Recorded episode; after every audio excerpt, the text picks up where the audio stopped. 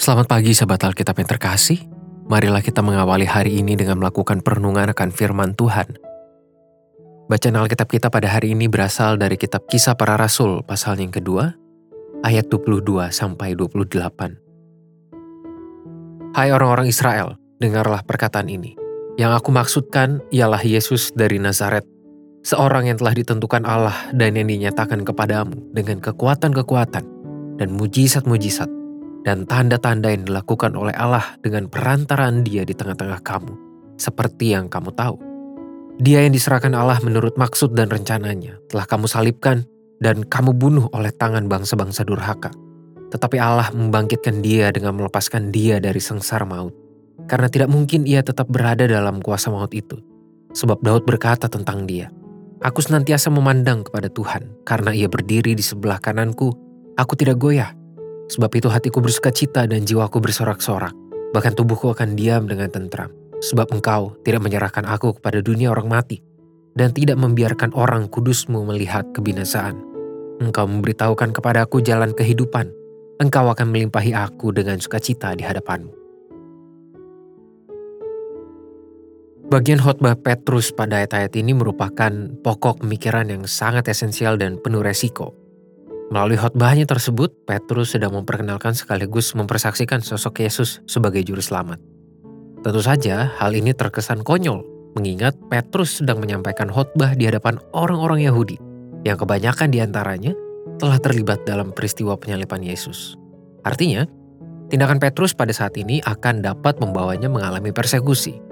Meski demikian, Petrus tetap mempersaksikan kebangkitan dan kuasa penyelamatan dari Yesus Kristus – Hal ini Petrus lakukan karena ia percaya telah menerima keselamatan tersebut. Itulah mengapa Petrus mengutip kesaksian Daud untuk mencerminkan luapan sukacita hati atas karya penyelamatan yang telah Yesus berikan. Sebab itu hatiku bersuka cita dan jiwaku bersorak-sorak. Bahkan tubuhku akan diam dengan tentram sebab engkau tidak menyerahkan aku kepada dunia orang mati dan tidak membiarkan orang kudusmu melihat kebinasaan. Engkau memberitahukan kepada aku jalan kehidupan engkau akan melimpahi aku dengan sukacita di hadapanmu. Demikianlah kutipan yang digunakan oleh Petrus. Petrus telah menunjukkan bahwa kebangkitan Kristus merupakan sebuah pengalaman yang membawa kehidupan. Hal ini sangat ia maknai dan resapi dalam kehidupan baru yang ia jalani sebagai rasul yang mempersaksikan Yesus Kristus. Kebangkitan Kristus itu pula yang membawa keberanian pada diri Petrus untuk tetap mempertahankan iman dan mempersaksikan Kristus tanpa syarat. Pengalaman iman bersama Yesus Kristus telah memberikan semangat yang memampukan ia untuk menjalani hidup, termasuk menghadapi tantangan pada saat berkhotbah di kota Yerusalem, seperti yang tertulis dalam perikop ini. Sahabat Alkitab, sebagai manusia tentu kita sangat mungkin untuk mengalami perasaan takut, cemas, khawatir, atau ragu akan hari depan tentang jalannya kehidupan dengan segala hal yang dapat terjadi.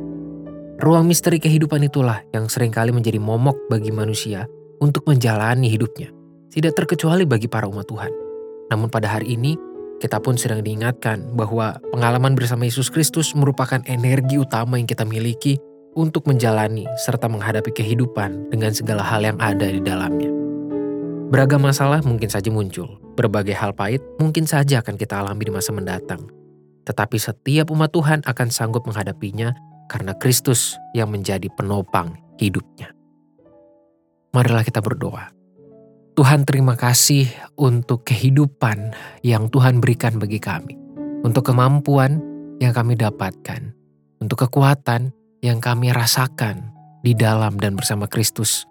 Mampukanlah kami untuk menjalani kehidupan, menghadapi beragam masalah tantangan yang sedang ada maupun yang akan muncul di masa mendatang.